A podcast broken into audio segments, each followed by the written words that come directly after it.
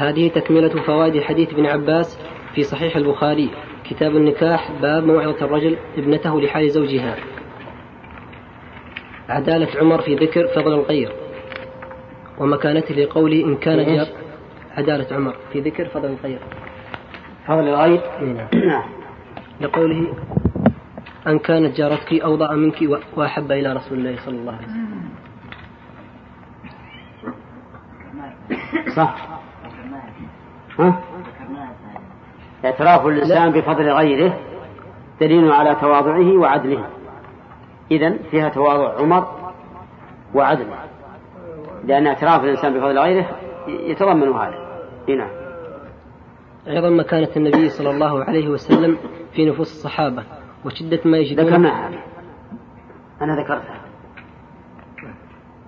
حدة فراسة عمر لقوله قد كنت أظن هذا يوشك أن يكون. صح؟ ها؟ نعم. أدب عمر بن الخطاب مع النبي صلى الله عليه وسلم حيث استأذن ثلاث مرات فلما لم يؤذن له رجع. صحيح هذا؟ تأمل ها؟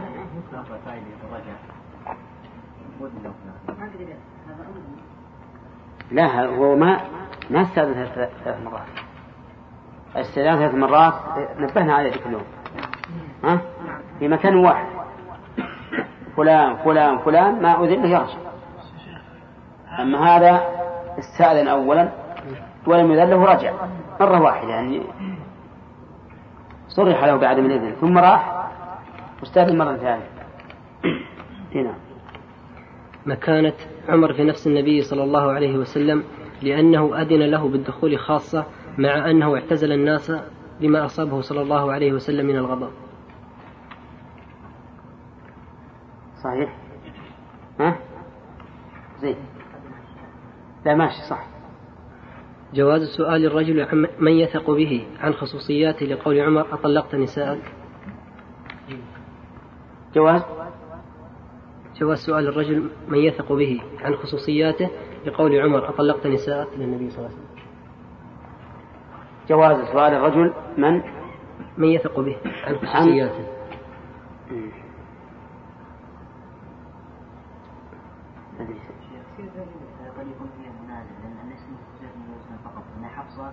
بنت عمر الخطاب فيهمه ان تطلق اولاده لكن الأمر عائشه لا هو الطلاق لعموم النساء عام. لكن لكن هل هل نصوغها بهذه الكيفية أو بكيفية ثانية؟ لا كيفية ثانية. ها؟ ما هي هذا؟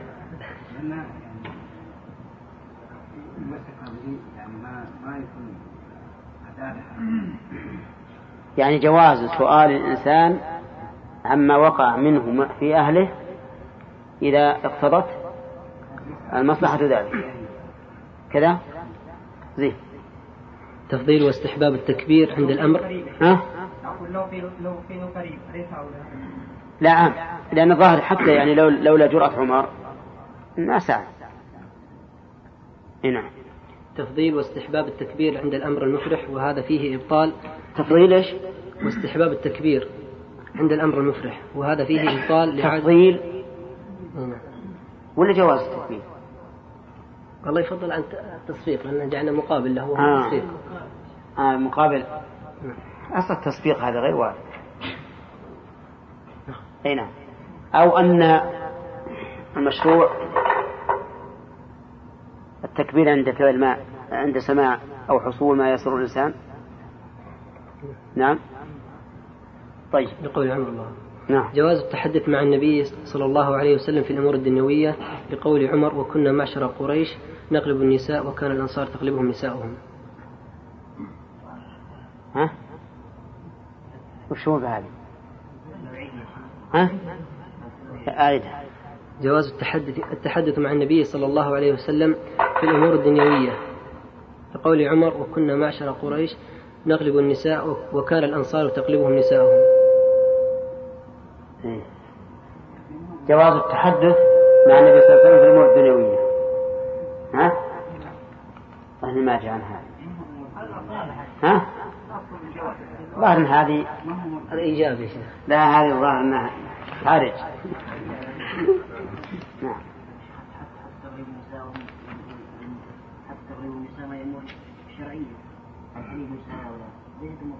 لا لا هذه مسائل اجتماعية. لا اجتماعية يعني بعض المجتمعات النساء يغلبن الرجال والعكس يعني لا الظاهر إن إن عمر أهم شيء عنده في تلك الوقت في تلك الساعة أن يدخل السرور على النبي عليه الصلاة والسلام. نعم. نعم. جواز كثرة التبسم ولو من عظيم إذا كان له سبب إيش؟ جواز كثرة التبسم ولو من عظيم وين كثرة التبسم؟ كقول عمر ثم تبسم تبسمة أخرى والله ما هو ما هو كثير تبسم مرتين لسببين. ها؟ أي إذا تعدد سببه. جواز تكرار التبسم إذا تعدد سببه. أي نعم ليش متعدد وقال ان ان التبسم من هدي النبي صلى الله عليه وسلم لا يقصها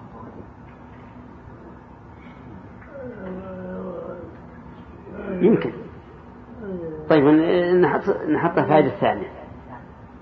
جواز التبسم أو جواز تكرار التبسم عند وجود سببه. ثانيا أن الأفضل أو أن التبسم أفضل من الضحك مع أن الرسول قد يضحك أحيانا لكن أكثر أكثر ما يكون التبسم. إي نعم. إقرار النبي صلى الله عليه وسلم في تفضيل عائشة بصمته وتبسمه. وفيه دليل إيش؟ إقرار النبي صلى الله عليه وسلم في تفضيل عائشة. إقرار النبي صلى الله عليه وسلم؟ عمر عندما قال. في تفضيل عائشة؟ النجارة نعم. طيب وإيش؟ وفيه دليل على أن الإقرار قد يكون بالصمت. طيب. أي نعم استحباب تأنيس الغاضب من إدخال السرور عليه. كقول نعم. عمر استأنس. صحيح. هذا طيب. استحباب إدخال السرور على من غضب. والأنس ها؟ ذكرناها أمس؟ أي طيب. إذا جاء تلغى. يكتب المسألة هي تكمل الفوائد يعني فقط نفس الفوائد كانت مكتوبة في الدرس الماضي. ما قلنا تكرر لأن أنت ذكرتها. الفوائد أصلا كانت على الرسول صلى الله عليه وسلم وإلا لما طلب عمر ذلك من الرسول. قول ادعو الله. إيش؟ قول عمر ادعو الله يوسع على أمته. استغفر لي. لا ادعو الله يوسع على إيه. إيش يقول جواز إيش؟ استجابة دعاء الرسول صلى الله عليه وسلم. استجابة؟ دعاء الرسول. استجابة دعاء الرسول صلى الله عليه وسلم. وين؟ لأن عمر لو لم يعلم أن دعاء النبي صلى الله عليه وسلم استجاب لما طلب. لا هو حري لا شك إنه حري بالإجابة لكن بس ما في استجابة. ما في الحديث إن الرسول دعا واستجيب له. أو يقال إن فيه تصاغ الفائده أن من طبيعة الإنسان محبة أو محبة توسيع الله له توسيع الله له في الرزق. رحمك الله. أولى. هذه هذه الفائدة وأن ذلك لا ينافي الكمال. انتبهوا للنقطة هذه. وأن ذلك لا ينافي الكمال. هل نوافق على هذه الفائدة؟ ولا نقول أن الرسول عليه الصلاة والسلام ردها؟ ها؟ كيف؟ عمر سأل النبي عليه الصلاة والسلام أنه يدعو الله أن يوسع له في يوسع لأمته كما وسع على فارس والروم. ولكن الرسول الله أنه ردها. إيه نعم. طيب. بيان بيان مد ها؟ ليس لأنه دعا على أمته ولكن لأنه قال إن تركهم لا يعبدون الله ها؟ لأنه قال إن تركهم لا يعبدون الله فكأنه وقع في نفسه شك فلهذا ردها عليه النبي صلى الله عليه وسلم لا لأنه دعا لوسع يعني لا لا هو قال إن هؤلاء قوم عجال لهم طيباتهم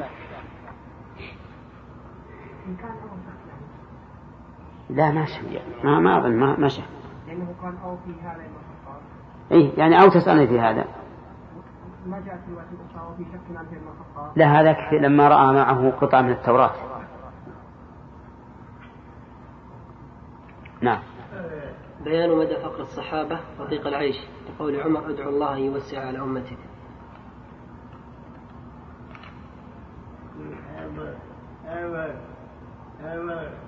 طيب. فيها أيضا جواز آه، آه، أن الإنسان المتكي يجلس عند وجود الأمر الهاء تأتي؟ طيب. صحة إطلاق لفظ الأمة على على الأتباع والأصحاب. قول عمر أدعو الله أن يوسع على أمته.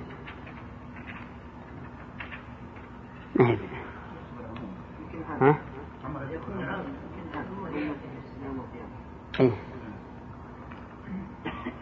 ما هي ما هي واضحة أعدها أعدها شلون؟ صحة إطلاق لفظ الأمة ها. على الأتباع والأصحاب كقول عمر أدعو الله يوسع على أمته ولأنه قارن أيضا فارس ما هي ما هي ما هي. نعم ولو يقال ان من معاني الامه إيه تطلق على نعم على إيش؟ تطلق على الاتباع والاصحاب لا لا عده معاني إيه. كذا أبدا أمتك هنا, هنا بمعنى هذا المعنى هي تطلق على الطائفة وعلى غيرها لكن هنا إيش معناها؟ الطائفة المتبعة لك لا على كل حال هذه اشتغل عليها ما هي بشيء. نعم تغير حالة الإنسان وهيئة جلوسه عند الأمر العظيم. كقول زين. عمر وكان متكئا فجلس. صح. جواز مناداة الإنسان بلقبه دون اسمه لقوله صلى الله عليه وسلم يا ابن الخطاب. بكنيته هذا لقب ولا كنية؟ كنية. ها؟ بابن يصير كنية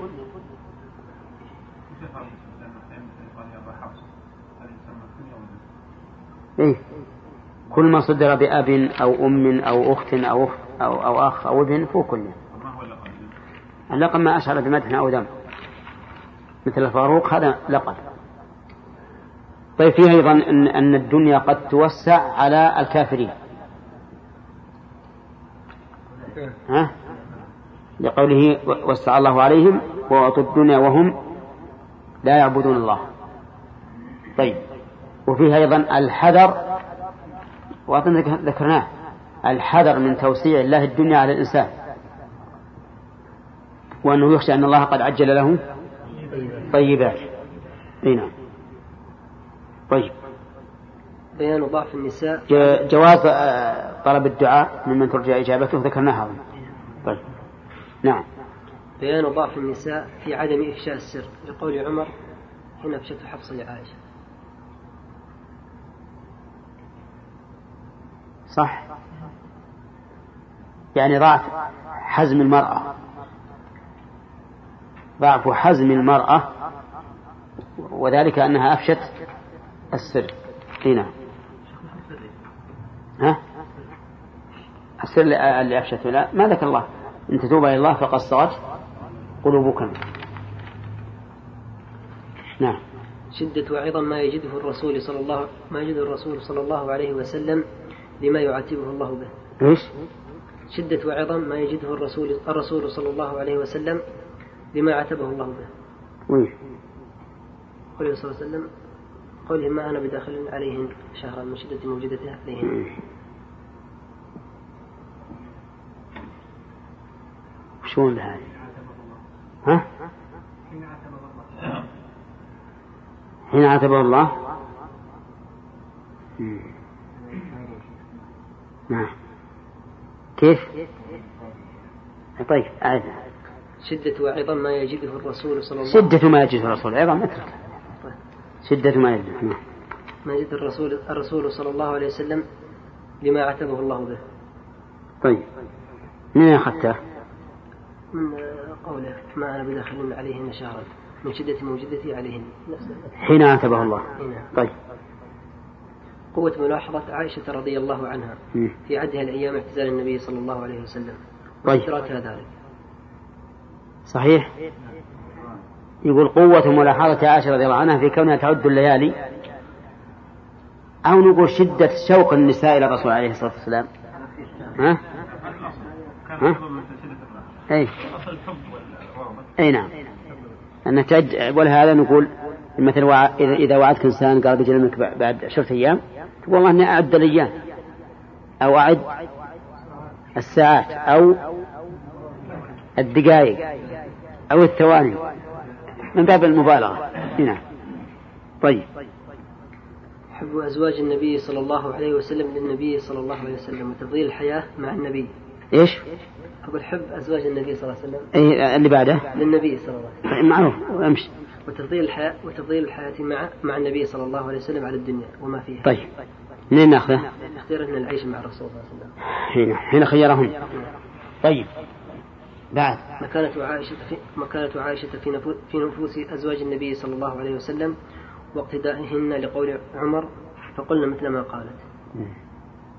طيب ماشي ها؟ ما يعرف ان يقول كذا الله أعلم ما ندري عرفوا ولا ما عرفوا اذا تروح الفائده كيف؟ يقول ما ندري هل هل علمنا بذلك ولا لا. الآن حررها أنت علمنا بذلك وتعنه فنعم إنها قدوه له وإلا فيحتمل أن ما دري لكن وافق. طيب فيه أيضا فيه أن ما قيد بالشهر اعتبر بالهلال. لا بالأيام. ذكرناها إحنا؟ قبل؟ طيب. ها؟ وكلت من يبحث المسألة هذه. ها؟ أنت وكلت من يبحث هذه المسألة. اللي هي؟ لا وكذا من يبحث إنه كيف كيف إنه نزل في في يوم 29 قبل تمام الشهر. ها؟ إي نعم. هذا اللي أشكل علينا ولا أدري عاد هو أحد جابه منكم ولا لا.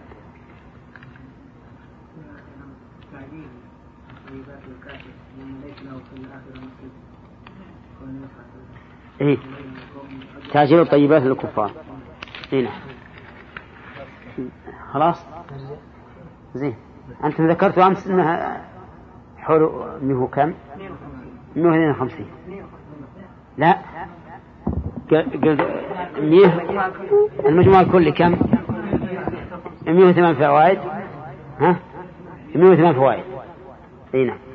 لكن اللي عدينا ما يصل 108 والله ليت نجمع الجميع ليت نجمع وتكون العبارة محررة يعني أحسن. عبد الرحمن؟ ها؟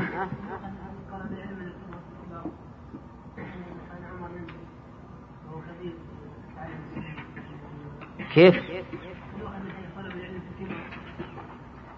طلب العلم في الكبار؟ إي.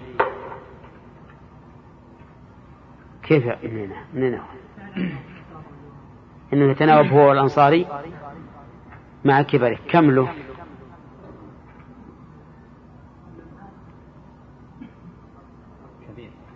هو مات سنة 23 وله 63 سنة يعني يوم موت الرسول وله أربعون سنة يوم هاجر وله ثلاثون سنة ها؟ كيف؟ كيف؟ ها؟ هو؟ متى متى توفي؟ 23 ولما مات الرسول كم له؟ سنة 11 إيه. نعم. على كل حال إن شاء الله ينفع العلم في الكبر ينفع. لكن الحفظ في الصغر أحسن. الحفظ وهو العلم الفهم للكبار والحفظ للصغار. نعم.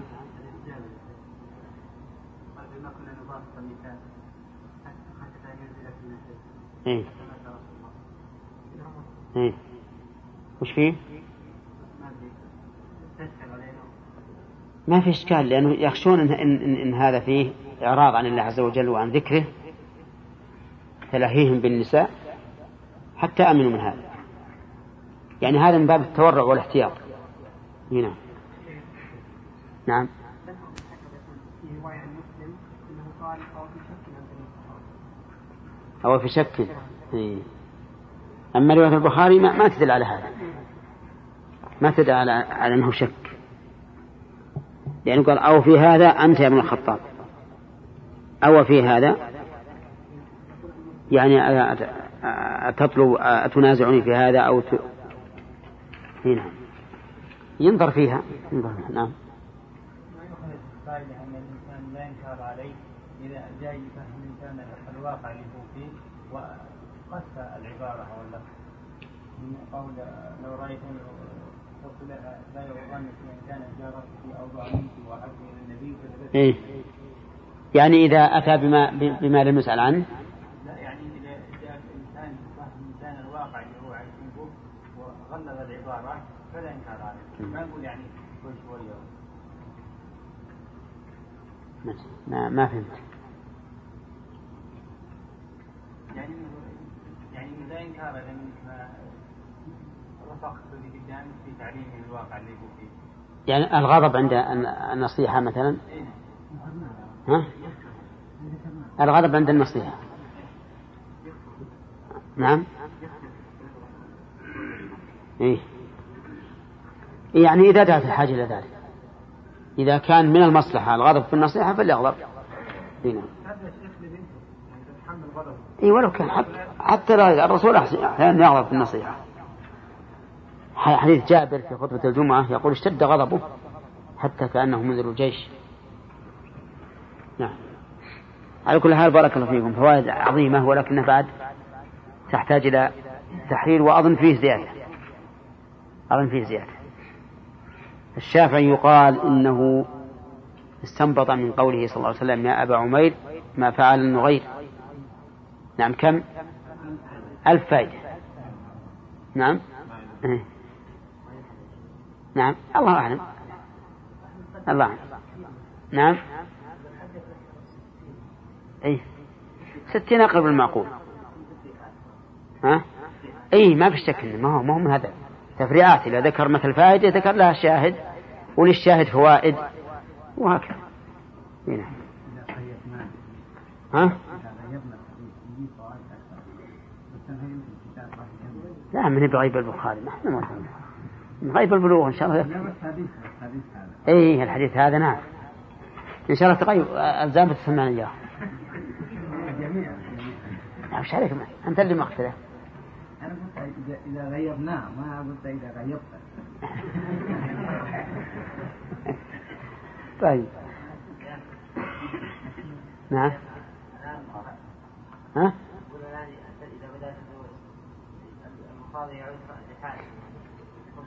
أبدا مثل عادة مثل عادة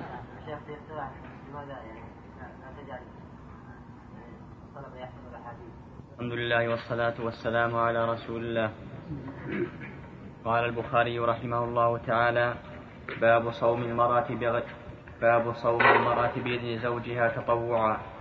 حدثنا محمد بن مقاتل قال حدثنا عبد الله قال أخبرنا معمر عن همام بن منبه عن أبي هريرة عن النبي صلى الله عليه وسلم قال لا تصوم المرأة وبعلها شاهد إلا بإذنه. نعم. إذا نظرنا إلى الحديث وجدنا أنه أعم من الترجمة. كيف ذلك؟ ها؟ الترجمة قيده بالتطوع والحديث لا تصوم لا تصوموا وفيه نسخة لا تصومن. وهو عام. وهو عام. لكن البخاري رحمه الله حمله على التطوع لأن الصوم الواجب لا يشترط فيه إذن الزوج ولا غيره من الناس لأنه لا طاعة لمخلوق في معصية الخالق. فيكون اعتبار الإذن يكون عبثا لأننا لو استأذنا في أمر واجب ولم يأذن نوافق ولا لا؟ لا نوافق. فإذا يكون اعتبار الإذن عبثا لا فائدة منه. فهذا هو الذي أوجب للشيخ رحمه الله البخاري أن يقيد ذلك بالتطوع. المهم أنه يستفاد من هذا الحديث أنه لا يجوز للمرأة أن تصوم تطوعا وزوجها حاضر إلا بإذنه فإن, فإن كان غائبا فلها أن تصوم لأنها لا لا تمنع حقه في في هذه الحال. نعم. نعم. كذلك بالنسبة للزوج للزوجة الزوجة لها يعني الزوج يستأذن زوجته لا لا. لا ما يستاهل لأن الغالب أن الزوج هو الطالب. الغالب أن الزوجة هو الطالب فكان الأمر إليه. لكن ما رأيكم في غير الصوم؟ كالصلاة مثلا والحج. ها؟ الجواب أن الصلاة نقول إذا صلت في وقت جرت العادة أنه يستمتع بها فيه فإنه لا يجوز لها أن تصلي تطوعا إلا بإذنه. وإلا فلا بأس. أما بالنسبة للحج فإنه إذا منع من الصوم مع حضور المرأة وتمكنه من الاستمتاع بها فالحج من باب من باب أولى طيب هل تمنع من الصدقة بدون إذن زوجها ها؟ لا لا تمنع لأنها حرة في مالها وهذا لا يمنع زوجها من الاستمتاع بها نعم ها؟ مدة العدة ثلاث شهور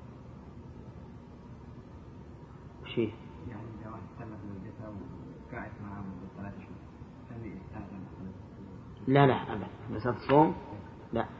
لأنه هذا الاستمتاع والمطلقة ما فيه استمتاع. نعم.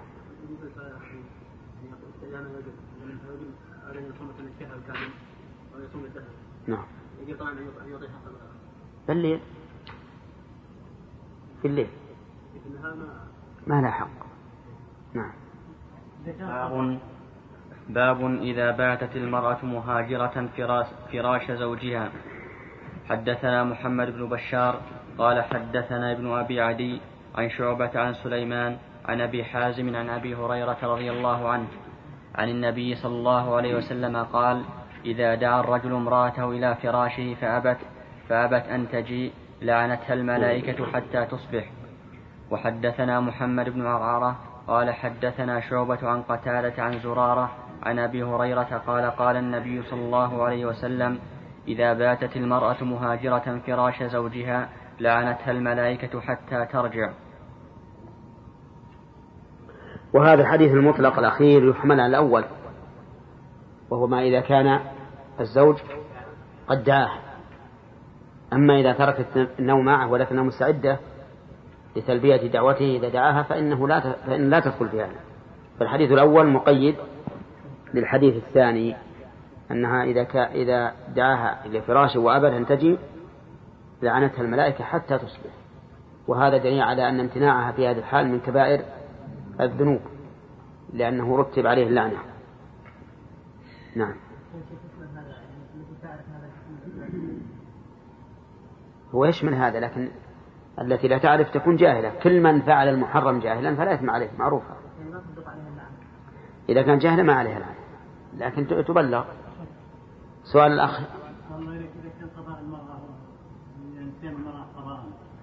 إذا كان قضاء فإن كان لم يبقى عليها من شعبان إلا مقدار ما عليها من الصيام فلها أن تصوم ولا ليس له الحق في منعها.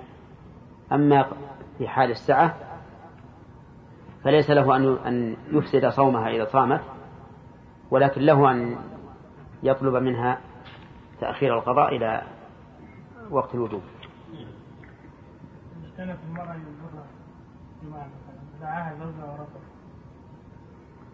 فهذه هو هو يحرم عليه أن يطاها في حال يضرها الوطن. هو أصلا يحرم عليه. ولا يجوز له أن يدعوها في هذه الحال إلى الجماع وهي تتضر به. نعم.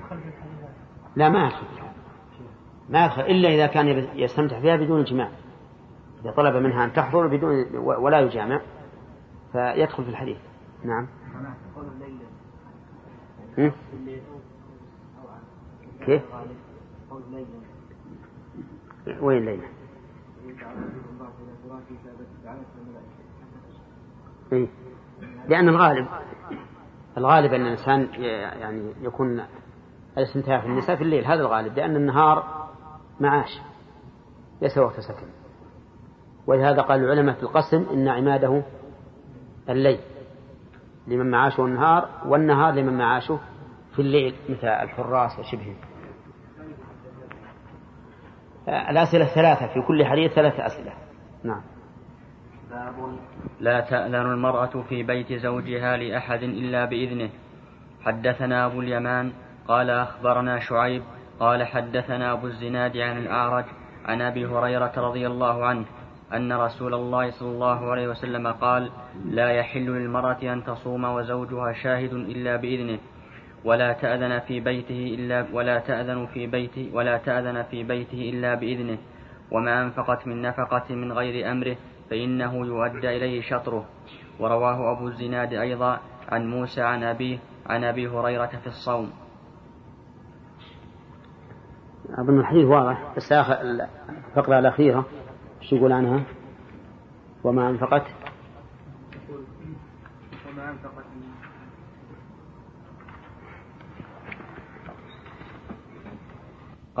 من ماله من ماله قدر أن يعلم من ماله قبل أن يعلم رضاه به. كما قبل أن يعلم رضاه به. لا قدر الله. ها؟ قدر قدرا. من ماله نعم من ماله قدرا يعلم رضاه به كطعام بيتها من غير أن تتجاوز العادة عن غير أمره بكسر الهمزة عن, عن غير إمره بكسر الهمزة وفتح الراء بعدها تاء إمرة. من غير إمرة. إمرة. نعم. من غير إمرة بكسر الهمزة وفتح الراء بعدها تاء تانيث في الفرع وفي غيره وهو الذي في اليون وهو الذي في اليونانية بفتح ثم كسر فهاء. عن أي عن غير إذنه الصريح.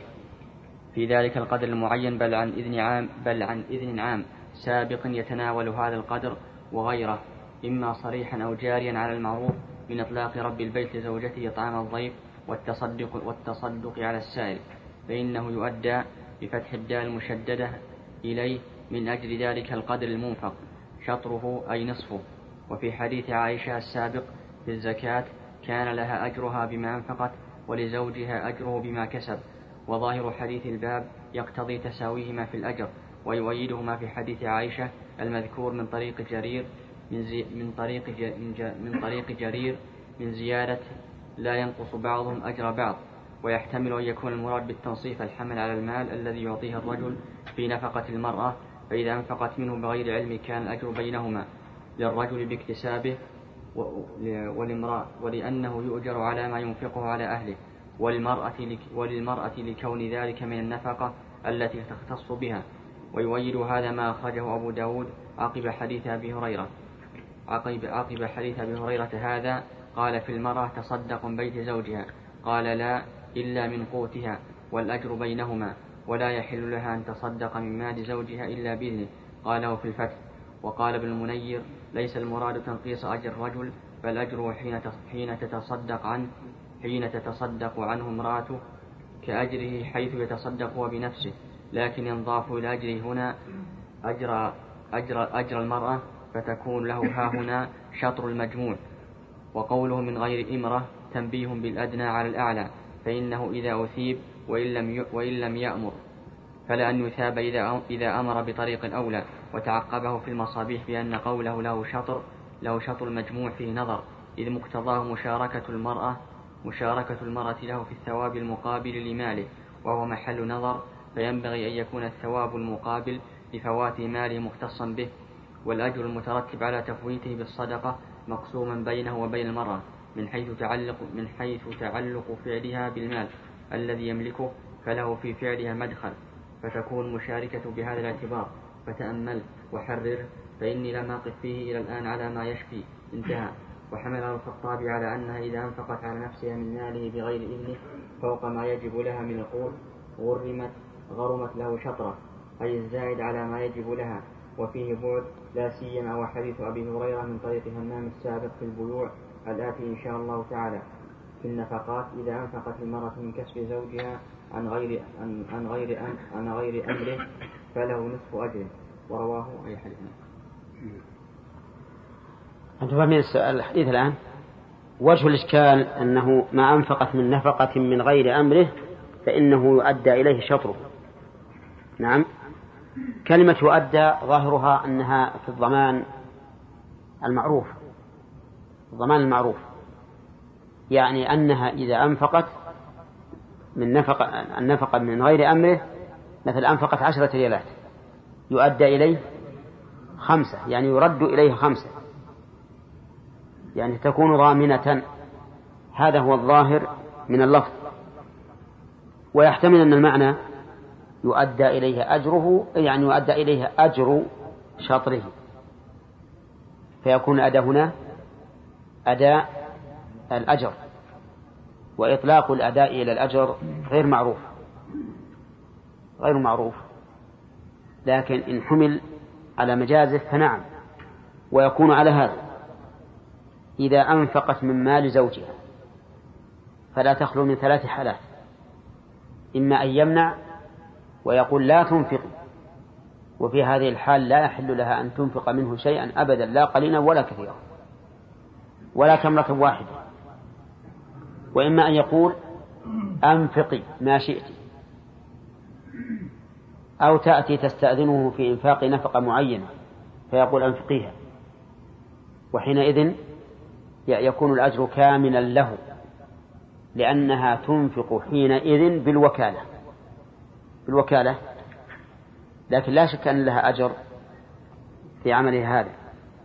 وإما أن يسكت لا يأمرها بالإنفاق ولا يمنعها فتنفق من ماله. فهنا يكون له الشطر ولها الشطر. أما كونها لها الشطر فلأنها لم تمنع. وأما كونه له هو الشطر فلأنه أنفق بغير أمره وليس كالذي ينفق بأمره وطيب نفسه. فكأنه أجر كما يقول العامة غصبا عليه. نعم؟ لأن هناك فرقا بين الذي يأمر وبين الذي ساكت لكن هذه تحمله على الأجر غصبا عليه تتصدق من ماله. هذا هو الذي يظهر لي في الحديث. وحمل الأداء هنا على الضمان لا وجه له من الناحية من من ناحية القواعد الشرعية. لأننا إما أن نقول إنها لا تتصدق منه مطلقا فتضمن إيش؟ كل ما تصدقت. وإما أن نقول إنها تتصدق ولا وجه لضمان النصف حينئذ. طيب فإن قال قائل لماذا لا تحملون الحديث؟ قول ما أنفقت من نفقة لماذا لا تحملون الحديث على ما إذا أنفقت من مالها؟ يعني إذا أنفقت من مالها الخاص من غير أمره فإنه يؤدى إليه الشطر. الجواب؟ أن هذا لا يستقيم على القواعد الشرعية أبدا. أولا لأنها حرة في التصرف بمالها والشيء الثاني لا وجه لكونها لكونه يعطى النصف. كيف يعطى النصف؟ لأي شيء. فأقرب ما يكون عندي في هذا هو ما أشرنا إليه. وربما يؤيده أن الكلام كله في حكم عمل الزوجة في بيت زوجها. ولهذا قال لا تأذن في بيته إلا بإذنه. الإنفاق أيضا لا تنفق إلا بإذنه وكما قلنا لا تخلو المسألة من ها؟ من ثلاث حالات. نعم. نعم. اللي هو يضر بإيش؟ نعم. لا بدل ما يؤدى إليه كله. إذا كان يضر به فلا يحل لها أن أن تتصرف في شيء أبدا. والأصل المنع. الأصل في أنها تصدق من بيت زوجها الأصل فيه المنع. لكن لما كانت العادة جارية بأنها تصدق بالشيء اليسير ككسرة الرغيف والتمرة وما أشبه ذلك فصار هذا جائزا لها. ها؟ أي لا هي إذا تصدقت ذهب الآن ذهبت. لأنها تملكها المتصدق عليه وراحت. فتكون كالتي أتلفت ماله تضمن إياها نعم.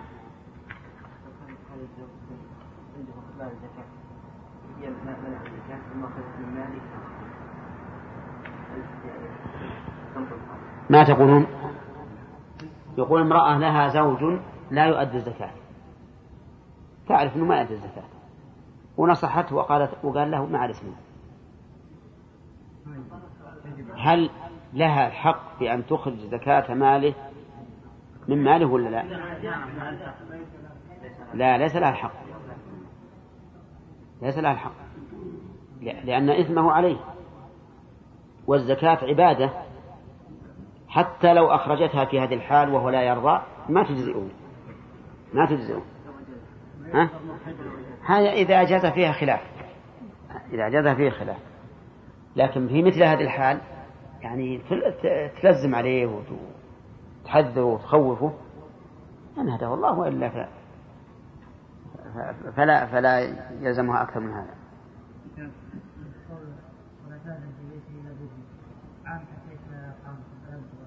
إي نعم. عام لكن لكن لاحظوا يا جماعة أن الإذن الإذن نوعان عرفي ولفظي. فاللفظي أن يقول لها إذني لفلان. أو إذا استأذن عليك فلان فأذني له وما أشبه ذلك. والعرفي ما جرى به العرف.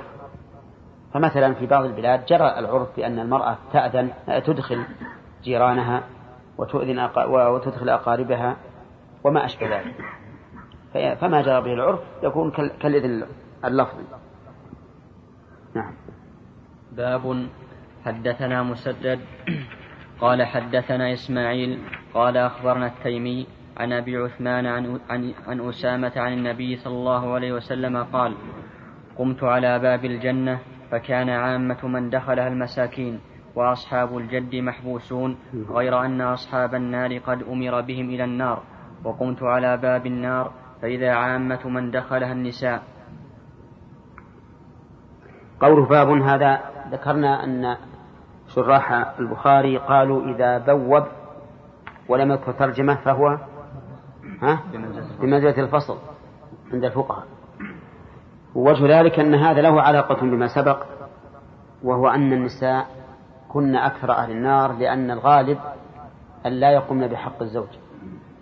ولهذا لما قال الرسول عليه الصلاة والسلام إن كنا أكثر أهل النار قلنا لما يا رسول الله؟ أو بما يا رسول الله؟ قال لأن كنا تكثرن اللعنة وتكفرن العشير الزوج. لا تقولن بحقه. وقول عليه الصلاة والسلام عامة من دخلها المساكين الجنة أكثر من يدخلها المساكين لأن المساكين هم أكثر أتباع الرسل. تأملوا قصص الأنبياء عليهم الصلاة والسلام تجدون الذين يكذبونها تجدون المكذبين لها لهم هم الملأ ووجهاء الناس بخلاف الفقراء وأيضا فإن من تمام عدل الله عز وجل أن هؤلاء الفقراء الذين حرموا الغنى في الدنيا يجعلهم الله عز وجل يوم القيامة يتقدمون الأغنياء في دخول الجنة. ولهذا قال أصحاب الجد يعني الغنى والكسب محبوسون لكن إذا كانوا من أهل الجنة سيدخلونها إلا أن الفقراء يسبقونهم. نعم.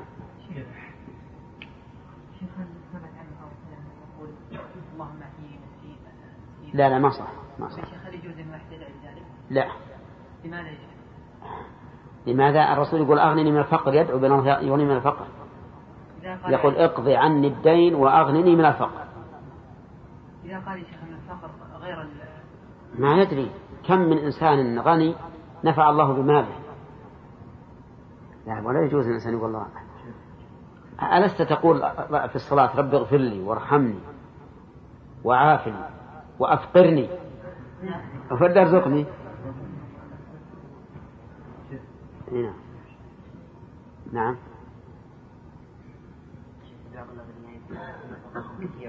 إيش؟ بعض الأغنياء نفقاتهم كثيرة وأعمالهم خيرة كثيرة. هل يلزم بدخول الفقراء قبلهم من أفضل منهم أجرا؟ لا ما يلزم. يعني دخولهم قبل الأداء لا يلزم أن تكون منازلهم في الجنة أعلى ما على كل حال. بس بس الأغنياء صاروا أفضل من الفقراء. إيه يكون منازلهم في الدنيا في الجنة أعلى من من الفقراء. وقد أقر النبي عليه الصلاة والسلام الفقراء لما قالوا يا رسول الله ذهب أهل الدثور بالأجور. والدرجات العلى أقرهم على هذا.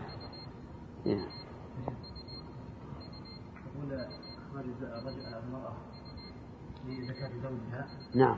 يعني ممكن للزكاة. فنقول الآن هي عائشة في مال باطل. يعني مثل الزكاة لا لا لا المال ما هو باطل لأنه مكتسب بطريق حلال. حلال. ما هو. طيب.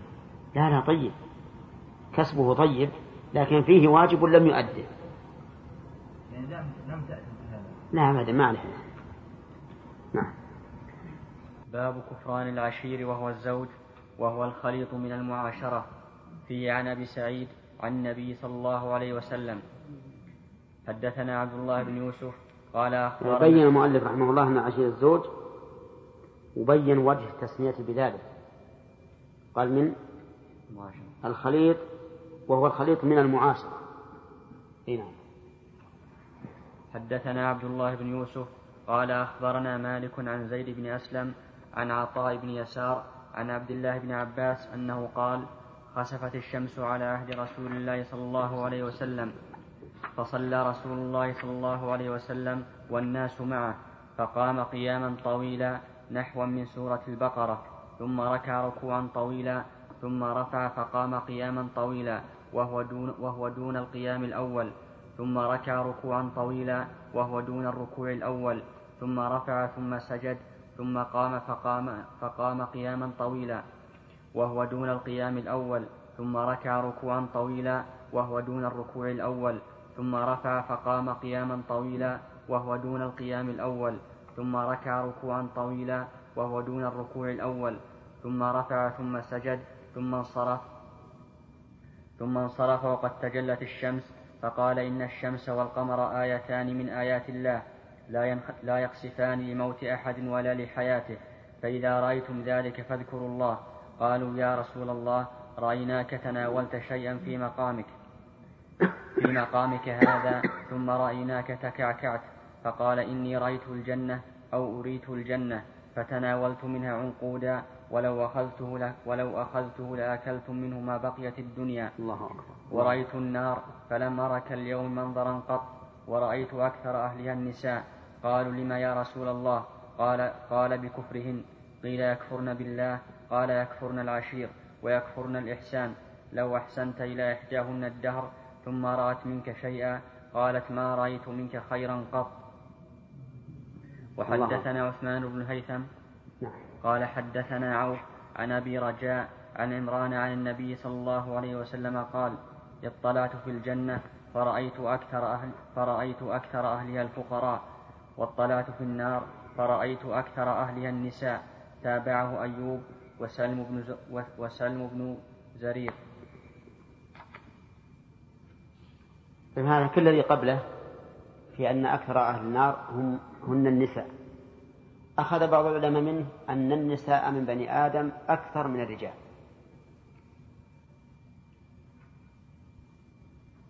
كيف كيف ذلك؟ ها؟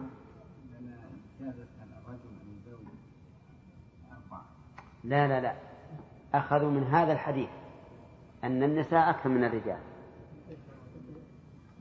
تأملوا ها؟ لأن أهل النار أصلا أكثر من أهل الجنة 999 مم. من أهل النار وأكثر هؤلاء نساء. فأصبح أهل الدنيا أكثرهم نساء. كذا؟ ل- لأن الجزء اللي هو واحد من ألف فيه نساء. فيه نساء. ولا لا؟ يعني الجنة فيها نساء. لذلك يعني لو قلنا مثلا كم نصف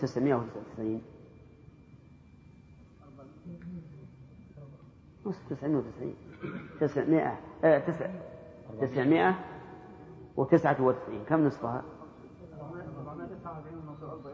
ها؟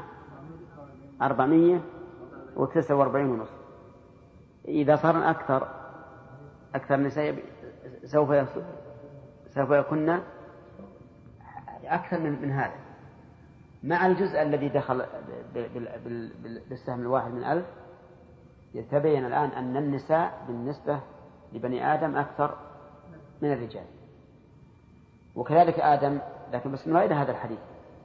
قال يدل على هذا أن الإنسان يتزوج أربع والمرأة لا, لا تتزوج إلا إلا واحد. لكن ما أدري هذا يصح هذا ولا لا. ها؟ ما يصح لأنه يمكن يتزوج أربعة يبقى أربعة رجال ما عندهم نساء. نعم. نعم. في الزمان أن النساء إيه العلماء قالوا إن هذا يدل على فناء الرجال بالحروب. تكثر الفتن والحروب والقتل فيفنى الرجال ويبقى الواحد عنده خمسين امرأة. نعم. خلاص أخذنا ثلاثة باب لزوجك لزوجك عليك حقا قال لزوجك عليك حق قاله أبو جحيفة عن النبي صلى الله عليه وسلم. حدثنا محمد بن مقاتل قال أخبرنا عبد الله قال أخبرنا الأوزاعي قال حدثني يحيى بن أبي كثير قال حدثني أبو سلمة بن عبد الرحمن قال حدثني عبد الله بن, عمرو بن العاص قال قال رسول الله صلى الله عليه وسلم يا عبد الله ألم أخبر أنك تصوم النهار وتقوم الليل؟ قلت بلى يا رسول الله. قال فلا تفعل صم وأفطر وقم ونم فإن لجسدك عليك حقا وإن لعينك عليك حقا وإن لزوجك عليك حقا. اللهم صل وسلم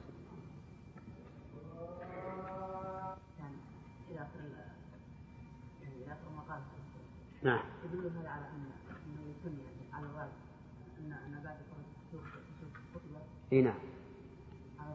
الراجح إن فيها خطبة نعم.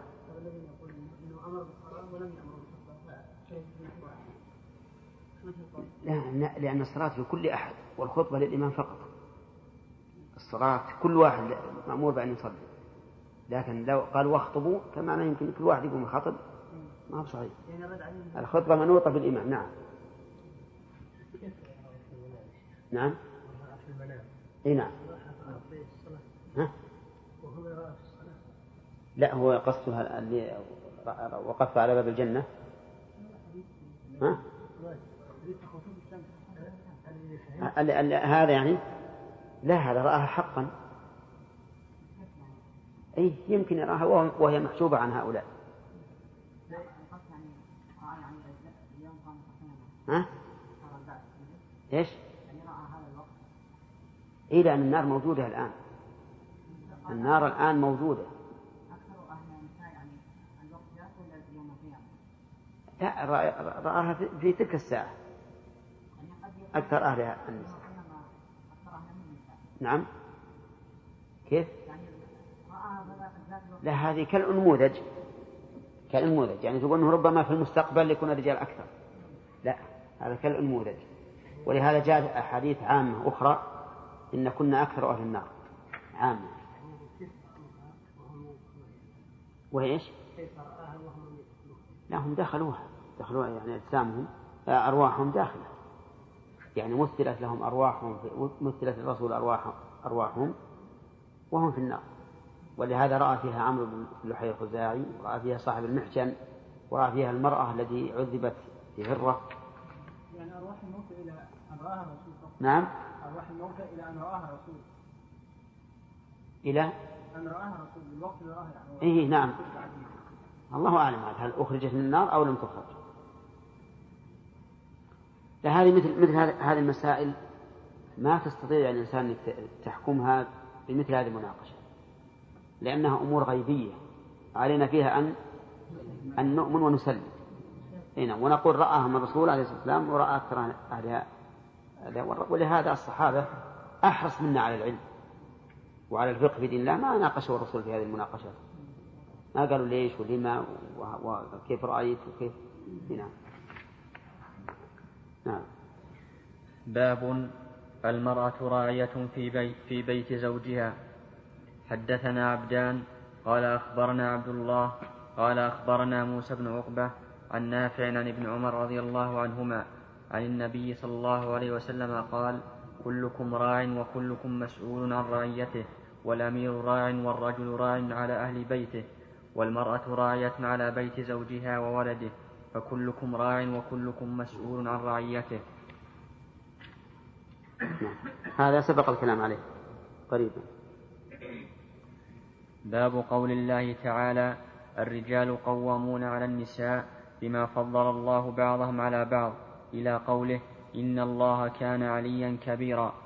حدثنا خالد بن مخلد هذه الآيات يقول الله عز وجل فيها الرجال قوامون على النساء والقوام هو ذو ذو القوامة يعني أنه هو الذي يقوم على المرأة.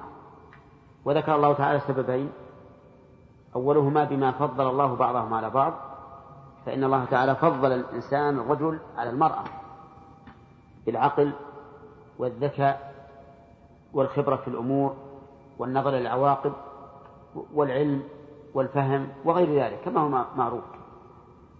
الأمر الثاني وبما أنفقوا من أموالهم فإن لهم لهم على النساء فضلا في ذلك.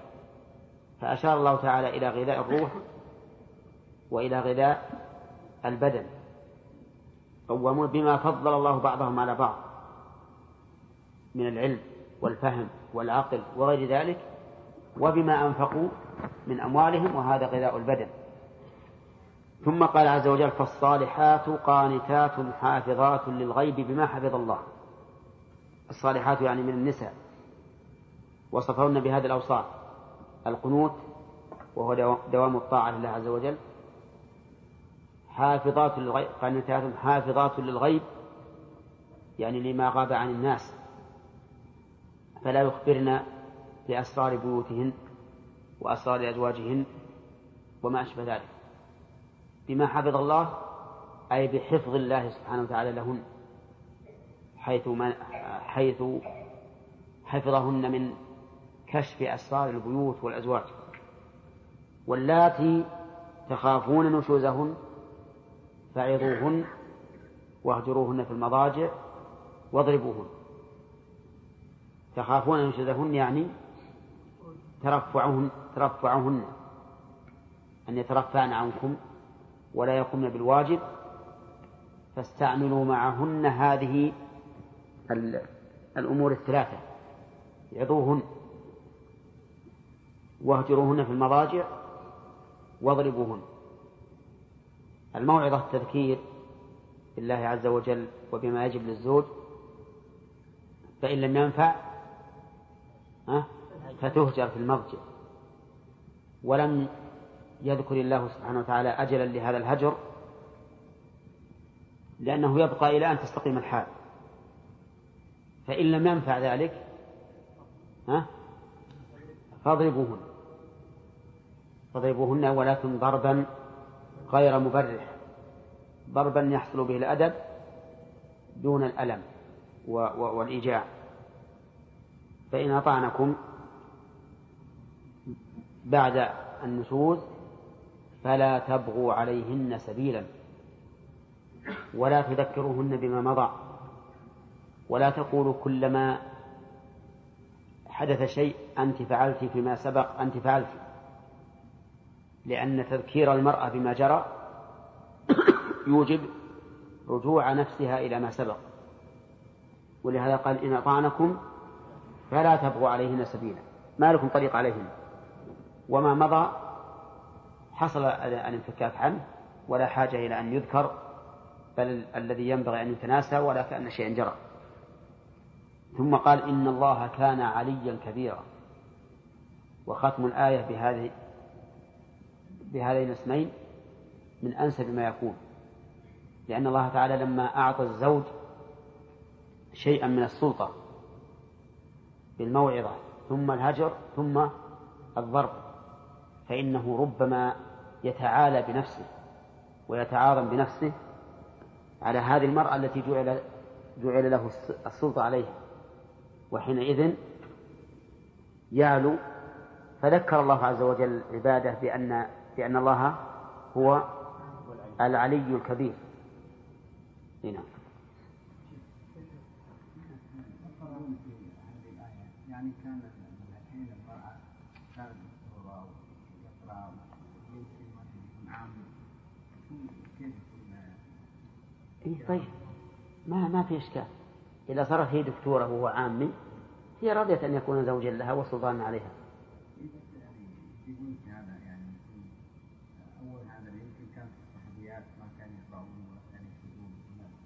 عائشة ما هي بتقرأ وزوجة ابن مسعود ما هي بتقرأ وغير لا ما صحيح. لا لا لا, لا له السلطة عليه. نعم.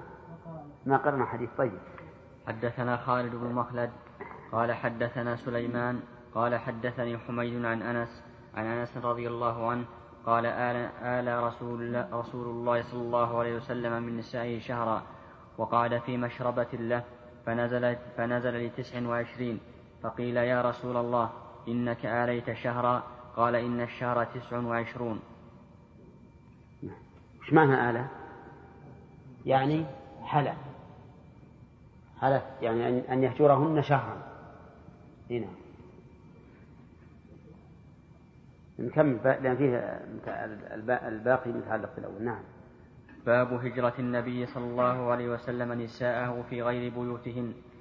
ويذكر عن معاوية ابن حيدرة رفعه حيدة. ابن حيدة رفعه غير أن لا تهجر إلا في البيت والأول أصح. حدثنا أبو عاصم. وش معنى الهجر في البيت؟ والهجر في غير البيت. الهجر في البيت معناه أن الإنسان يهجرها بالبيت لا ينام معها ولا يساكنها. والهجر في غير البيت أن يهجرها حتى حتى في الكلام ما يتكلم معها. والعلماء رحمهم الله قالوا أما الهجر في البيت فيهجرها ما شاء حتى تستقيم الحال. وأما الهجر في الكلام فلا يزيد على ثلاثة أيام. لأن النبي صلى الله عليه وسلم نهى أن يهجر الإنسان أخاه فوق ثلاثة أيام.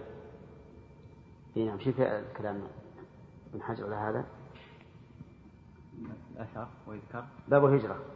سلم النساء في غير بيوتهن كأنه يشير إلى أن قوله واهجروهن في المضاجع لا مفهوم له وأنه, وأنه تجوز الهجرة فيما زاد على ذلك. كما وقع للنبي صلى الله عليه وسلم من, هجر من هجره لأزواجه في المشربة وللعلماء في ذلك اختلاف أذكره بعد. قوله ويذكر عن معاوية نعم. ابن حيدة بفتح الحاء المهملة وسكون التحتانية صحابي مشهور وهو جد بهز بن حكيم ابن معاوية. قوله رفعه ولا تهجر إلا في البيت. في رواية الكشميهاني غير أن لا تهجر إلا في البيت. وهذا طرف من حديث طويل أخرجه أحمد وأبو داود والخرائطي في مكارم الأخلاق وابن مندة في غرائب شعبة كلهم من رواية ابن من رواية أبي قزعة سويد سويد عن حكيم بن معاوية عن أبي وفيه ما حق المرأة على الزوج قال يطعمها إذا طعم ويكسوها إذا اكتسى ولا يضرب الوجه ولا يقبح ولا يهجر إلا في البيت. قوله والأول وصح يعني حديث أنس أصح من حديث معاوية بن حيدة. وهو كذلك ولكن يمكن الجمع بينهما كما سأذكره. واقتضى صنيعه أن هذه الطريق تصلح للاحتجاج بها وإن كانت دون غيرها في الصحة وإنما صدرها بصيغة التمريض إشارة إلى انحطاط رتبتها. ووقع في شرح الكرماني قوله ووقع في شرح الكرماني قوله ويذكر عن معاوية بن حيدة رفعه ولا تهجر إلا في البيت. أي ويذكر عن معاوية ولا تهجر إلا في البيت. مرفوعا إلى النبي صلى الله عليه وسلم. والأول أي الهجرة في غير البيوت أصح إسنادا. وفي بعضها أي بعض النسخ من البخاري غير أن لا تهجر إلا في البيت. قال فحينئذ ففاعل, ففاعل يذكر هجرة النبي صلى الله عليه وسلم نساء في غير بيوتهن. أي ويذكر عن معاوية رفعه غير أن لا تهجر. أي رويت قصة الهجرة غير أي رويت هجرة أي رويت قصة الهجرة عنه مرفوعة إلا أنه قال لا تهجر إلا في البيت وهذا الذي تلمحه غلط محض فإن معاوية بن حيدة ما روي ما روى قصة هجر النبي صلى الله عليه وسلم أزواجه. ولا يوجد هذا في شيء من المسانيد ولا الأجزاء وليس مراد البخاري ما ذكره وإنما مراده حكاية ما ورد في سياق حديث معاوية بن, معاوية بن حيدة. فإن في بعض طرقه ولا يقبح ولا يضرب ولا يضرب الوجه. غير أن لا يهجر إلا في البيت فظن الكرماني أن الاستثناء من تصرف من تصرف البخاري. وليس كذلك بل هو حكاية منه عما ورد في عما ورد من لفظ الحديث والله أعلم. قال المهلب هذا الذي أشار إليه البخاري كأنه أراد أن يستنى الناس بما فعله النبي صلى الله عليه وسلم من الهجر في غير البيوت رفقا بالنساء لأن, لأن هجرانهن مع الإقامة معهن في البيوت آلم لأنفسهن وأوجع لقلوبهن بما يقع من الإعراض في تلك الحال ولما في الغيبة عن الأعين من التسلية عن الرجال. قال وليس ذلك بواجب لأن الله قد أمر بهجرانهن في المضاجع فضلا عن البيوت. وتعقبه ابن المنير بأن البخاري لم يرد ما فهم ما فهمه. وإنما أراد أن الهجران يجوز أن يكون في البيوت وفي غير البيوت وأن الحصر المذكور في حديث معاوية بن حيدة غير معمول به بل يجوز الهجر في غير البيوت كما فعل النبي صلى الله عليه وسلم. والحق أن ذلك يختلف باختلاف الأحوال فربما كان الهجران في البيوت أشد من الهجران في غيرها وبالعكس أشد. من الهجران في غيرها وبالعكس بل الغالب أن الهجران في غير البيوت آلم للنفوس وخصوصا أن وخصوصا النساء لضعف نفوسهن. واختلف أهل التفسير في المراد بالهجران فالجمهور على أنه ترك الدخول على أنه ترك الدخول عليهن والإقامة ترك. ترك. فالجمهور على أنه ترك الدخول عليهن والإقامة عندهن على ظاهر الآية وهو من الهجران وهو, وهو البعد وظاهره أنه لا يضاجعها. وقيل المعنى يضاجعها ويوليها ظهره. وقيل يمتنع من جماعها. وقيل يجامعها ولا يكلمها. وقيل اهجروهن مشتق من الهجر, من الهجر بضم الهاء وهو الكلام القبيح أي أغلظ أي يغلظ لهن في القول أي أغلظ لهن في القول. وقيل مشتق من الهجار وهو الحبل الذي يشد به البعير يقال هجر البعير أي ربطه. فالمعنى أوثقوهن في البيوت واضربوهن قاله الطبري وقواه. واستدل له واستدل له ووحاه ابن العربي فأجاد. ثم ذكر في الباب حديثين الأول حديث أم سلمة. طيب آه، المهم أن العلماء يقولون أن الهجر في الكلام لا يجوز أن يزيد على ثلاثة أيام لنهي النبي صلى الله عليه وسلم أن يهجر أخاه فوق ثلاثة أيام لكنه يكفي إذا مر بها أن يقول السلام عليكم يعني لأنه يزول الهجر بالسلام هنا. نعم.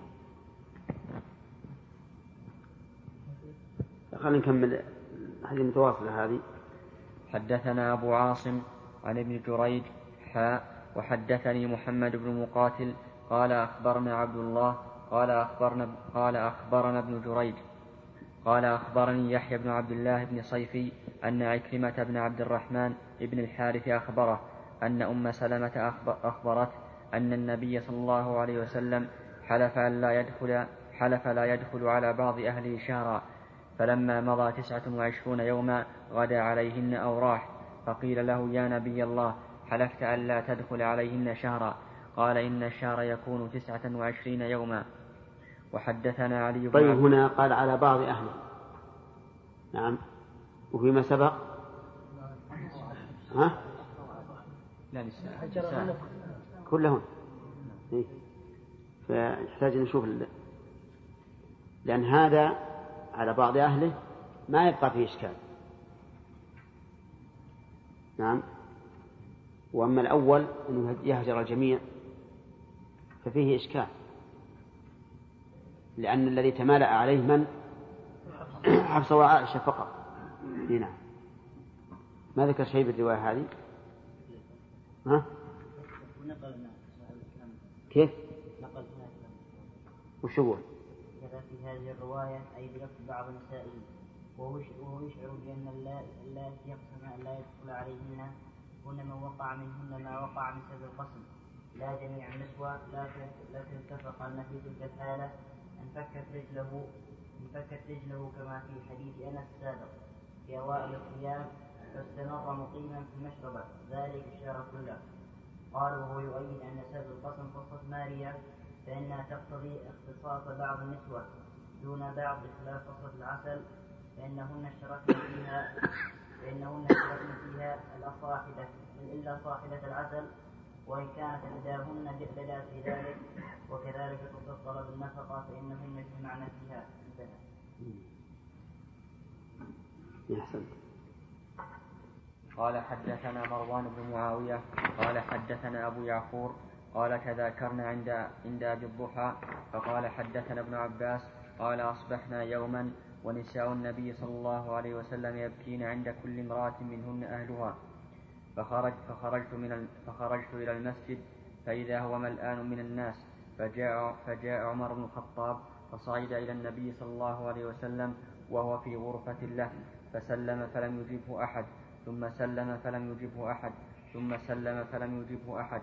فناداه فدخل على النبي صلى الله عليه وسلم فقال أطلقت نساءك؟ فقال لا. ولكن آليت منهن شهرا فمكث تسعا وعشرين ثم دخل على نسائه. نعم. هذا الحديث سبق في سياق أتم من هذا. على كل حال فيه دليل على أنه يجوز للإنسان أن يهجر أهله. كم؟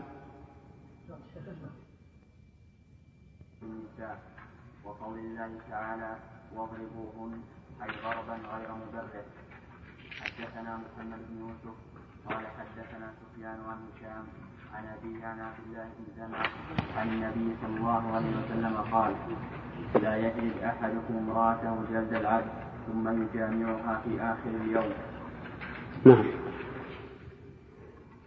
عندنا الترجمة ما يكره من ضرب النساء. ولم يقل إن ضرب النساء كله مكروه.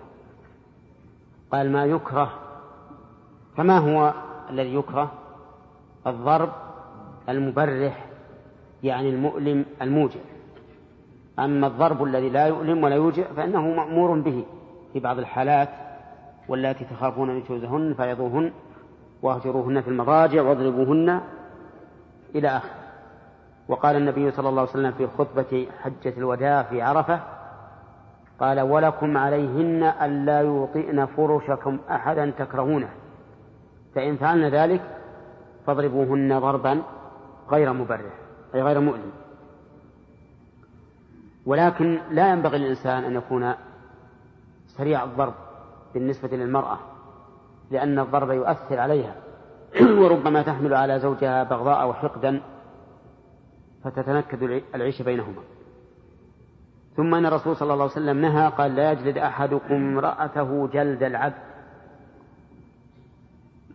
جلد العبد هنا مصدر مضاف إلى المفعول به يعني كما يجلد عبده لأن العادة أن الإنسان يجلد عبده جلدا قويا لأنه لأنه يقال العبد يضرب بالعصا والحر تكفيه الإشارة. نعم. وقول ثم يجامعها فيه إشكال من الناحية النحوية وهي أن قوله لا يجلد مجزوم ويجامع مرفوع فهو على سبيل الاستئناف بناء على أن ثم تأتي للاستئناف يعني ثم هو مع هذا الجلد يجامعها في في آخر اليوم. هذا غير مناسب. امرأة تجامعها والجماع يوجب المودة والمحبة تجامعها في آخر اليوم وأنت في الأول في أول النهار قد جلدتها جلد العبد جلدا شديدا.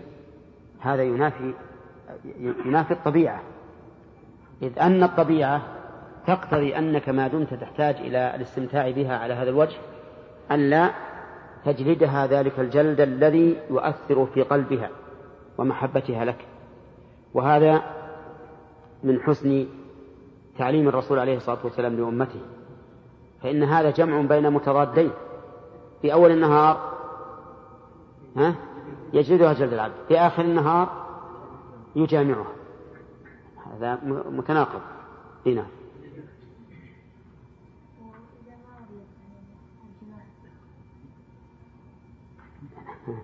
إذا مرت الجماع يجبرها.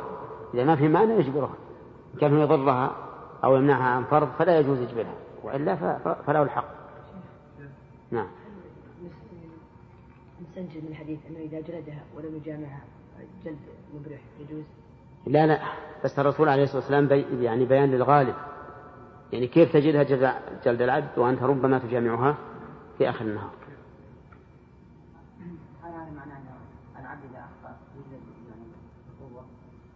حسب جرم هنا. أي مو عدل أن يموت. إنما إنما لا شك أن ضربك للعبد ليس كضربك للمرأة. هنا باب لا تطيع المرأة زوجها في معصية. حدثنا خلاد بن يحيى قال حدثنا إبراهيم بن نافع عن الحسن وابن مسلم عن صفية عن عائشة أن امرأة من الأنصار زوجت, زوجت ابنتها فتمعط شعر رأسها فجاءت إلى النبي صلى الله عليه وسلم فذكرت ذلك له. فقال إن فقالت إن زوجها أمرني أن أصل في شعرها فقال لا إنه قد لعن الموصلات. الموصلات. آه هذه امرأة زوجت ابنتها فتمعط شعر رأسها يعني سقط. وفي بعض الأحاديث في ألفاظ الحديث أنه أصابتها الحصبة فتساقط شعر رأسها. فجاءت أمها تستأذن الرسول عليه الصلاة والسلام في أن تصل شعر رأسها. يعني تجعل فيه شعر تصله بشعر رأسها ليطول ويكثر. وأن زوجها هو الذي أمرها بذلك فقال لا. يعني لا تصليه. ثم قال إنه قد لعن الموصلات. لعن يعني طرد طردن وأبعدن عن رحمة الله. الموصلات اللاتي يصلن شعرهن والواصلة التي تصل الشعر والمستوصلة كلتاهما ملعونة على لسان الرسول صلى الله عليه وسلم. وفي هذا دليل على أن الرجل إذا أمر زوجته بمعصية فإنه لا يحل لها أن تطيعه. فلو طلب منها مثلا أن يجامعها في حال الحيض حرم عليها أن تطيعه. أن يجامعها في الدبر حرم عليها أن تطيعه. أن يشغلها عن فرض صلاة حرم عليها أن تطيعه. أن تتشبه بالكفار في زيها أو لباسها حرم عليها أن تطيعه وهكذا. نعم اقرب يا وخر الجهاز شوي.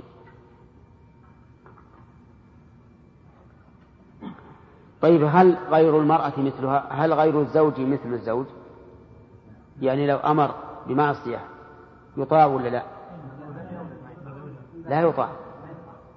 أي مخلوق يأمرك بمعصية الله فإنه لا طاعة له لأنه لا طاعة لمخلوق في معصية الخالق. طيب ما ما نقول في الباروكة؟ الباروكة هل هي حلال أو حرام؟ يعني قال بعض العلماء إنها ليست حراما لأنها ليست وصلا. غاية ما هنالك أنها غطاء للرأس. وأنتم تعرفون الباروكة ولا لا؟ أي نعم. فإذا كانت غطاء فإنها لم تصل شعر رأسه. وقال بعض أهل العلم إنها حرام وأنها من الوصل لأنها وإن لم تكن وصلا لكنها تغطي الرأس وتزيده. فتكون مثل الوصل إذا لم تكن وصلا. وقال بعض العلماء إنه إذا لم يكن لها شعر إطلاقا يعني ذهب شعر رأسها حتى صار رأسها كخدها. فلا بأس أن تلبسها لأنها تريد بذلك ستر العيب. لا زيادة الجمال. وستر العيوب أو إزالة العيوب قد جاء الشرع بإباحتها. مثل لو أنه قطع أنفه. لو قطع أنفه فإنه يجوز أن يجعل له أنفا إن أمكن من لحم كما هو الآن مشاهد أو من شيء يشبه اللحم وإلا فإنه يتخذ أنفا من ذهب أو من معدن آخر لا يستع. كما أذن بذلك النبي صلى الله عليه وسلم في اتخاذ الأنف من الذهب. وكذلك لو سقط سنه فاتخذ سنا بدله. فلا حرج. لأن هذا من باب إزالة إيش؟ إزالة العيب بخلاف الذي يقصد به زيادة الكمال فإنه لا يجوز. ولهذا حرم الوشر وحرم النمص لأنه يقصد به زيادة الجمال. وحرم الوصل كذلك. فالباروكة إذا كانت المرأة تريد أن تغطي بها رأسا أصلع ليس فيه شعر إطلاقا. فإن ذلك جائز. وهذا التفصيل أقرب إلى قواعد الشريعة. نعم.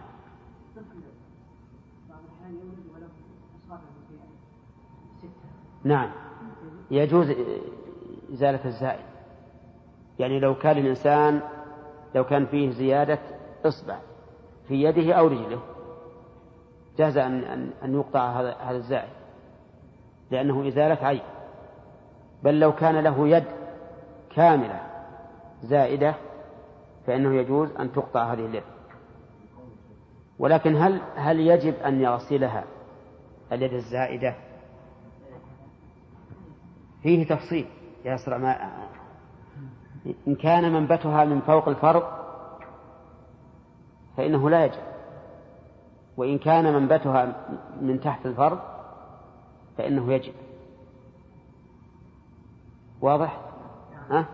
يعني لو كانت منطلقة من هنا من العضد من العضد مثل له يد صغيرة تباري اليد الأصلية لا لا يجب عليه غسلها إن كانت نابتة من الذراع فإنه يجب عليه أن يغسلها لأنها داخلة في حد الواجب نعم عبد الوهاب قص شعر المرأة لغير الحاجة فيه ثلاثة أوراء لأهل العلم رأي أنه حرام. واختاره صاحب المستوعب من أصحاب الإمام أحمد بن حنبل رحمه الله. وقال بعض العلماء إنه لا بأس به ما لم يكن أو ما لم يصل إلى حد التشبه بالرجل. مثل أن تقصه إلى من فوق الكتف فإنه يحرم حينئذ لأن النبي صلى الله عليه وسلم لعن المتشبهات من النساء بالرجال. فإن فإن وصل إلى حد التشبه كان حراما بل من كبائر الذنوب. وبعضهم قال إنه مكروه مطلقا وهذا هو المشهور من المذهب وهو الذي نفتي به. نفتي به درءا لفتح الأبواب أمام النساء. لا لأنه فيه كراهة لذاته لكن لأننا إذا فتحنا الباب للنساء بأن يقلدن كل ما جاء من من غير بلادهن صار في هذا متسع لهن كما هو مشاهد. ولقد كان النساء يفرحن بالأول بطول بطول الشعر حتى إن المرأة يثنى عليها في المجالس وقال ما شاء الله شعرها يضرب إلى الأرض إذا جلست وما أشبه ذلك مما يثنى به على صاحبة الشعر. فما الذي جعل هذا الذي يثنى عليه بالأمس يزال اليوم سوى التقليد؟ فإذا فتح باب التقليد للمرأة صعب أن يسد. فأنا من هذه الناحية أقول للنساء إن العلماء يقولون إنه يكره. لكن ليس فيه دليل بين يدل على الكراهة.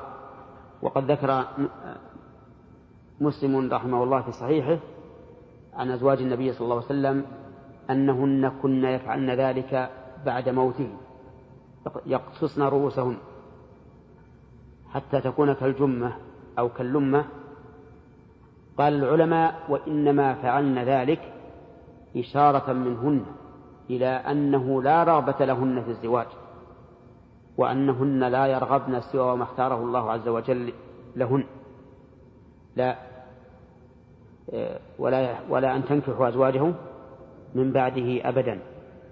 ولسنا يفعلن ذلك من أجل الزينة وإنما من, من أجل إظهار كراهتهن للزواج. هنا أخذنا ثلاثة. طيب. نقول بالكراهة مطلقا إن كان في تشبه أو قليل أو كثير لا إذا كان إذا كان في تشبه يكون حرام. إذا كان فيه تشبه حرام قولا واحدا. إيه؟ أو إذا يعني إذا كان كثيرا حتى يكون كرؤوس الرجال يعني هذا حرام لأنه تشبه. ها؟ وش القيد؟ يعني مثلا لو, لو أخذ منه أنملة أو أنملتين أو ما أشبه ذلك. نعم. هذا محل الخلاف. أما إذا أدى إلى التشبه فلا إشكال في تحريمه. نعم. والموصلات ربطها بالتشديد. بالتشديد؟ نعم. يقول عندي الموصولات نسخة والموصلات هي الأصلية. وش يقول؟ يقول بتشديد الصاد المكسورة ويجوز فتحها. وفي رواية الموصلات. نعم. مم. وفي رواية الكشميهني الموصولات. وهو يؤيد رواية الفتح.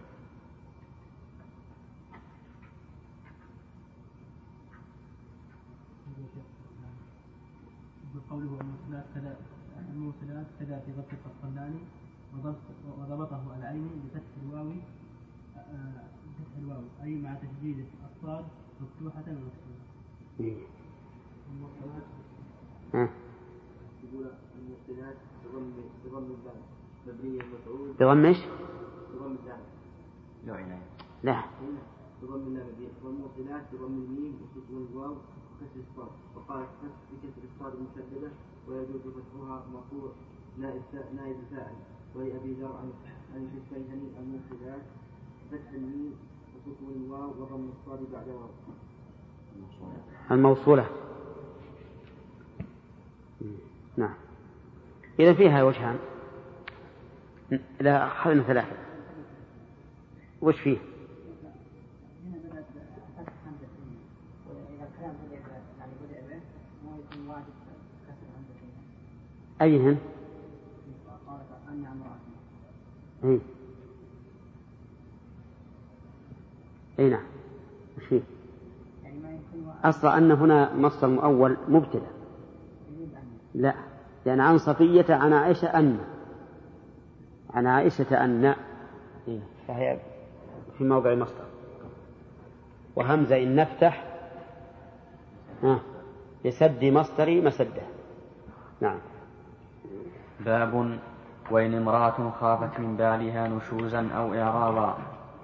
حدثنا محمد بن سلام. قال أخبرنا أبو معاوية عن هشام عن أبيه عن عائشة رضي الله عنها. وإن امرأة خافت من بالها نشوزا أو إعراضا قالت هي المرأة تكون عند الرجل لا تستكثر لا يستكثر منها. فيزيد فيريد طلاقها ويتزوج فيريد طلاقها ويتزوج غيرها. تقول له أمسكني ولا تطلقني ثم تزوج غيري فأنت في حل من النفقة علي والقسمة لي. فذلك قوله تعالى فلا جناح عليهما أن يصالحا أن يصالحا بينهما صلحا والصلح خير. أكبر. أظن واضح. إذا خافت المرأة من زوجها نشوزا أي ترفعا عليها أو إعراضا فهنا لا بأس أن يصطلح على شيء معين مثل أن تقول له تزوج وأنت في حل من نفقة والقسم أو تقول أبقني وأنا لا أطالبك بقسم ولا آه، لا لا أقابلك باستمتاع أو لا أطالبك باستمتاع ولا نفقة وما أشبه ذلك. وفي قوله تعالى والصلح خير. قاعدة عامة تشمل كل صلح. كل صلح بين متخاصمين فإنه خير من إنهاء الخصومة. لأن الصلح وش مآله؟ مآلها التسامح وأن كل واحد منهما لا يحمل على لا يحمل على الآخر شيئا. لكن لو وصل إلى القاضي فالقاضي سيحكم بما يرى أنه الحق ولكن سيكون في قلب المحكوم عليه ما يكون بالنسبة لصاحبه. أما إذا كان على سبيل الصلح فلا شك أنه أنه أحسن. طيب. وهل يشمل هذا الحاكم إذا جلس إليه المتخاصمان؟ فيصلح بينهما خير من كونه يحكم؟ الجواب فيه تفصيل. إن ظهر له وجه الحكم حرم عليه عرض الصلح. وإن لم يظهر جاز الصلح. إن ظهر له وجه الحكم وأن فلانا له الحق على فلان فإنه لا يجوز عرض الصلح لأن هذا يؤدي إلى إضاعة حق صاحب الحق. مثل ادعى زيد على عمرو بمائة ريال وتوجه الحق على المدعى عليه. توجه الحق على المدعى عليه. جاء المدعي بالشهود ولم يبقى إلا يحكم القاضي. فهنا قال العلماء لا يجوز أن يعرض الصلح عليه. إلا إذا قال بين وضح. قال الآن الحق لفلان عليك. فهل تحب أن نحكم بذلك أو أن نصلح بينكما؟ وأما إذا لم يبين فإنه لا يجوز. نعم. باب العزل.